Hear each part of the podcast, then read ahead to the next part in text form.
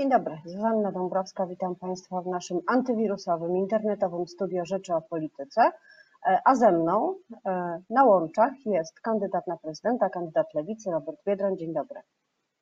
Dzień dobry Pani redaktor i dzień dobry Państwu i witam też w moim antywirusowym studiu domowym. E, przed chwilą prezydent Andrzej Duda wygłosił oświadczenie o odwołaniu posiedzenia Rady Gabinetowej powiedział oficjalnie o tym, że jeden e, z ministrów jest zakażony, że ministrowie poddawani są e, testom. Co dalej? No dalej oczekiwałbym przede wszystkim zwołania Rady Bezpieczeństwa Narodowego i rozmowy e, z, także z opozycją i zastanowienia się nad wyborami prezydenckimi. Kampanii prezydenckiej nie ma de facto, a wybory się zbliżają. Już 10 maja są zaplanowane. Nie można przeprowadzać w praktyce tych wyborów. Nie możemy organizować spotkań, nie mogliśmy kontynuować zbierania podpisów. E, prezydent oczywiście jest tutaj w uprzywilejowanej pozycji, ale ze względów moralnych, ale także czysto takich e, praktycznych. Te wybory powinny zostać e, albo przeniesione, albo powinniśmy się zastanowić, co dalej. W jaki sposób to zrobić? Są różne scenariusze. Jeden z nich mówi o wprowadzeniu stanu wyjątkowego, który spowoduje zawieszenie e, procedur wyborczych. Potem trzeba czekać 90 dni. E, inny scenariusz mówi o tym, że wszyscy kandydaci powinni się wycofać. E, który scenariusz Pan uważa za najbardziej prawdopodobny? Uważam, że przede wszystkim powinna się odbyć Rada Bezpieczeństwa Narodowego, gdzie opozycja spotka się z prezydentem, spotka się z premierem, poznamy prawdziwy obraz sytuacji. Tak było tydzień temu, kiedy widzieliśmy się podczas pierwszej e, rady, e, zresztą zwołanej dopiero po czterech latach e, od tej ostatniej, więc widać, że to narzędzie nie jest wykorzystywane przez prezydenta. Uważam, że ze względów politycznych prezydent się boi krytyki opozycji, boi się, że opozycja będzie punktowała prezydenta czy rząd, a przecież nie taka jest dzisiaj nasza rola. Jesteśmy merytoryczni, no prezydent nie staramy się być rzetelni. No akurat jeśli chodzi o podróże prezydenta, to nie wygląda to wydaje się dość dziwne i niebezpieczne w obliczu tego, że jak widać nawet członkowie rządu nie są e, wolni od e, zakażeń i nawet członkowie rządu padli ofiarą e, zakażenia, więc prezydent powinien być bardziej roztropny, zamiast udawać harcerze, przybierać się w mundurek harcerski, powinien przede wszystkim być mężem stanu, który kontroluje sytuację, który wzywa właśnie do zachowania procedur bezpieczeństwa samemu, dając dobry przykład, a dzisiaj niestety nie jest. No i w przypadku wyborów powinien doprowadzić do tego, że się spotkamy i porozmawiamy o, co do przyszłości tych, tych wyborów, które dzisiaj nie są fair. No zresztą nie tylko jeśli chodzi o, e, o e, zaangażowanie prezydenta, tylko o to, jak jesteśmy traktowani jako kontrkandydaci. Ostatnie badania jednego z portali pokazują, że w lutym media publiczne pokazywały prezydenta przez kilkanaście godzin, a na przykład mnie przez 44 sekundy. To nie jest. Ale spodziewał pan się innych, spodziewał pan się innych proporcji wcześniej bez koronawirusa? Spodziewam się standardów, które będą media publiczne przestrzegały. Jeżeli nie przestrzegają, to trzeba zastanowić się, po co y, utrzymywać takie media, które są dzisiaj de facto narzędziem partyjnym Prawa i Sprawiedliwości te 2 miliardy złotych, które można było przeznaczyć na przykład na lepszą e, służbę zdrowia, zostały przeznaczone właśnie na tą agitację partyjną, która pomaga oczywiście prezydentowi Dudzie, a innym kandydatom no, nie stwarza przestrzeni do jakiejkolwiek obecności. Wróćmy jeszcze do samych terminów kampanijnych. Jeżeli wybory byłyby w jakikolwiek sposób przeniesione na wiosnę, to nie rozwiązuje problemu e, terminu konstytucyjnego, czyli 6 sierpnia, kiedy kończy się kadencja prezydenta Andrzeja Dudy. To też trzeba rozwiązać. Czy nie sądzi Pan, że po to, żeby wyjść z tych wszystkich procedura, proceduralnych problemów, jeśli przeniesiono by termin wyborów, to rzeczywiście trzeba się dogadać. Znaczy nie można tylko wygłaszać oświadczeń, tak jak obie strony e, to robią, tylko rzeczywiście usiąść i przezwyciężyć problemy formalne, wybrać najlepsze wyjście. Jest na to szansa? No, na, z mojej strony jest deklaracja od wielu miesięcy e, współpracy i dialogu. E, apelowałem o zwołanie Rady Bezpieczeństwa Narodowego. Prezydent zwołał ją, ale tylko jedną. E, przygotowałem pakt, e, taki pakiet antykryzysowy Polska 2020 z propozycjami rozwiązań w kontekście koronawirusa. Widać, że rząd niektóre z tych rozwiązań próbuje wdrażać. Nie rozumiem, dlaczego e, pozostałej części nawet nie chce przedyskutować e, z nami. Więc trzeba się na pewno w tej sytuacji sytuacji dogadywać, szukać tego, co nas łączy. Łączą nas między innymi po pierwsze bezpieczeństwo Polek i Polaków i to jest najważniejsze.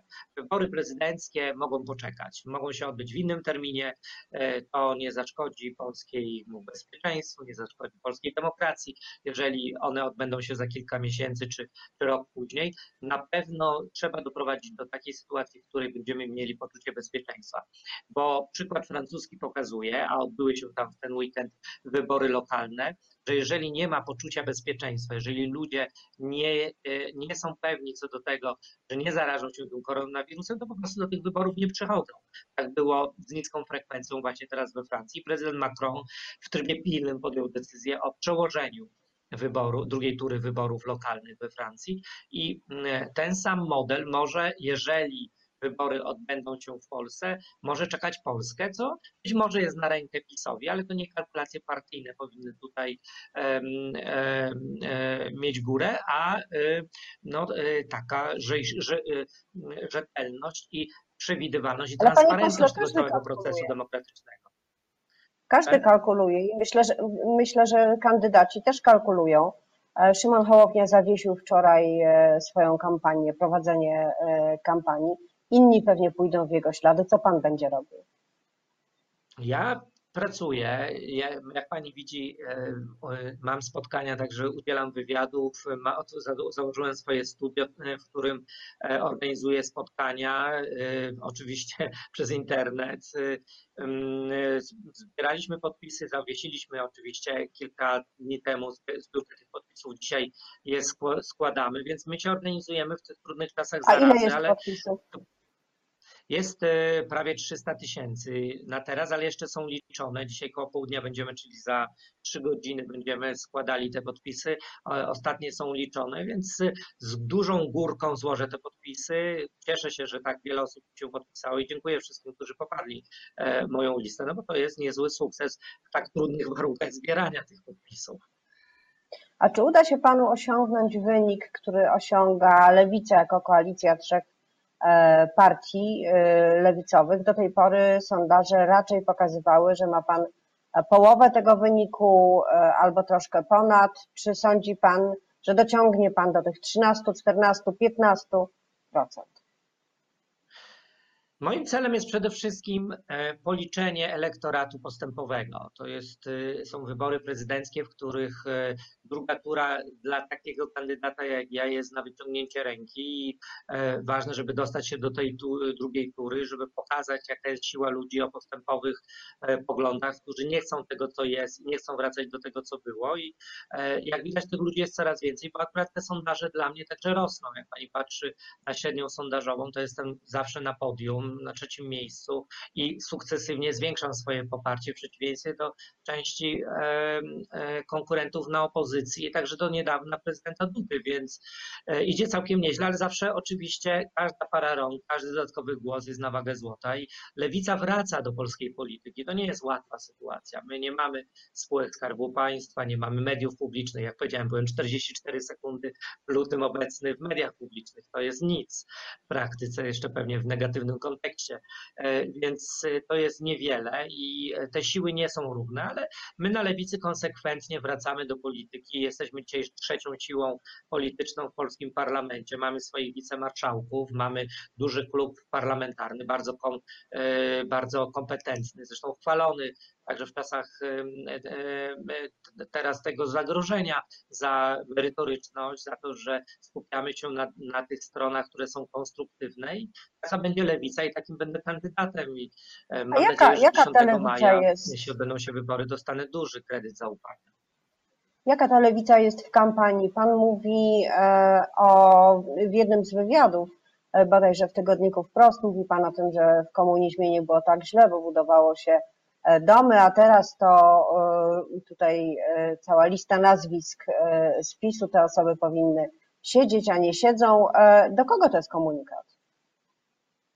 To jest komunikat do wszystkich ludzi, e, którzy chcą e, mm, nowoczesnego państwa dobrobytu, w którym demokracja, praworządność, prawa człowieka są szanowane. Z jednej strony lewica mówi o tym, że musimy dbać o dobre standardy służby zdrowia. Jak widać dzisiaj, e, ta potrzeba wspierania służby zdrowia jest na wyciągnięcie dłoni. Poza tym wsparcie dla pracowników. 3 miliony ludzi prawie dzisiaj w Polsce, które no nie mają poczucia bezpieczeństwa w tych trudnych czasach, bo nie są zatrudnione na umowę o pracę, tylko na umowy cywilnoprawne, sprawia, że ten głos lewicy jest jeszcze bardziej potrzebny niż do tej pory. To znaczy sprawiedliwe państwo, Ale wsparcie takie nie zostaje z tyłu. Wsparcie takie, jak Proszę było w czasach PRL, bo y, chodzi o ten resentyment, na, który mieszkania w niektórych ludziach siedzi. Ludzie mieszkania. pamiętają, że wtedy że wtedy e, budowano całe osiedla e, w naszych miastach, że wtedy miasta średniej wielkości się rozwijały, takie jak Krosno czy Słupsk i ludzie mają poczucie, że dzisiaj te miasta się zwijają i to nie jest e, nie, nie, nieobiektywne, subiektywne poczucie. Byłem prezydentem przecież Słupska i wiem, jak wygląda los takich miast. One dzisiaj tracą na swojej randze, na swoim prestiżu, stamtąd się wyjeżdża, często nie przyjeżdża i ten trend może ożywić tylko i wyłącznie pobudzenie właśnie między innymi przez budowę tanich mieszkań na wynajem, czy dobre standardy życia w postaci żłobków i przedszkoli. Ja nie będę pani redaktor pewnie prezydentem, który będzie budował pomniki czy e, kościoły i świątynie, ale chciałbym być prezydentem, który będzie wspierał budowę żłobków, przedszkoli, który będzie takim prezydentem, który będzie dobrym gospodarzem, który będzie rozwiązywał ale... problemy zwykłego człowieka.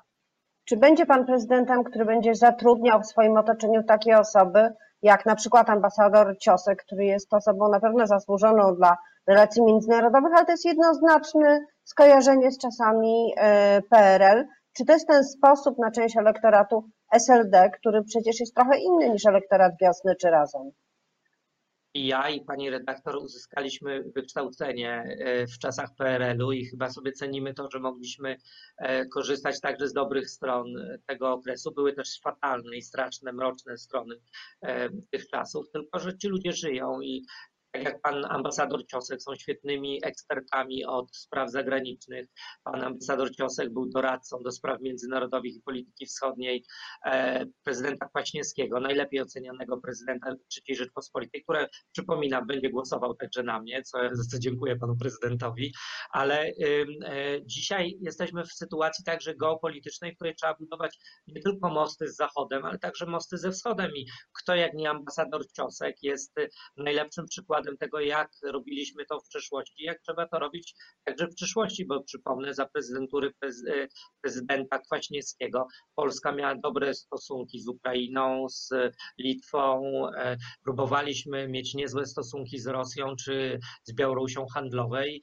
Dzisiaj na przykład byłem ostatnio w Trójcu, nasi e, sadownicy mówią, e, nasz, e, nasza część rolnictwa umiera, bo Polska przez embargo właśnie na jabłka na wschód ich nie eksportuje, co sprawia, że po prostu ten rynek jabłek się załamał. Tak nie może być dalej i to trzeba zmienić. No teraz wszystkie rynki się załamują. Ostatnie pytanie w naszej antywirusowej internetowej rozmowie czy powinny być przesunięte egzaminy w szkołach, na przykład matury, które są na początku maja? Czy powinno się zmienić y, to wszystko, o czym na razie nie chcemy myśląc, zakładając, że to jeszcze tylko 3-4 tygodnie? Być może będzie dłużej. Nie wiemy, jak, y, jak będzie to wyglądało. Wydaje mi się, że trzeba y, trzymać rękę na pulsie. To jest okres, w którym uczniowie mogą w domach uczyć się, mogą korzystać z tego czasu, który jest właśnie poza szkołą, mają lekcje online często. E, Ministerstwo Edukacji na pewno w tej sprawie także będzie podejmowało decyzje. Ja uważam, że musimy tutaj być elastyczni, że jeżeli nie będzie warunków do przeprowadzania matur, do przeprowadzania egzaminów, ale także wyborów, to trzeba zastanowić się nad przesunięciem ich. Państwo e, powinno traktować poważnie swoich obywateli, przede wszystkim gwarantując im poczucie bezpieczeństwa. Dzisiaj tego poczucia bezpieczeństwa nie ma i niewiele wskazuje na to, że w najbliższych tygodniach e, coś może się zmienić na plus. Co więcej, Przecież minister zdrowia sam to zapowiada. Skala zakażeń koronawirusem w Polsce będzie rosła, co może potęgować obawy społeczne i co może, mam nadzieję, doprowadzić do tego, że rząd będzie tutaj wydawał bardziej jasne, precyzyjne komunikaty w związku z egzaminami, maturami czy wyborami. Bardzo dziękuję. To nie była bardzo optymistyczna puenta, ale taki mamy klimat i taki mamy czas. Bardzo dziękuję. Moim gościem był kandydat na prezydenta Robert Biedroń. Dziękuję. Dużo zdrowia Pani redaktor i Państwu życzę. Dziękuję wzajemnie.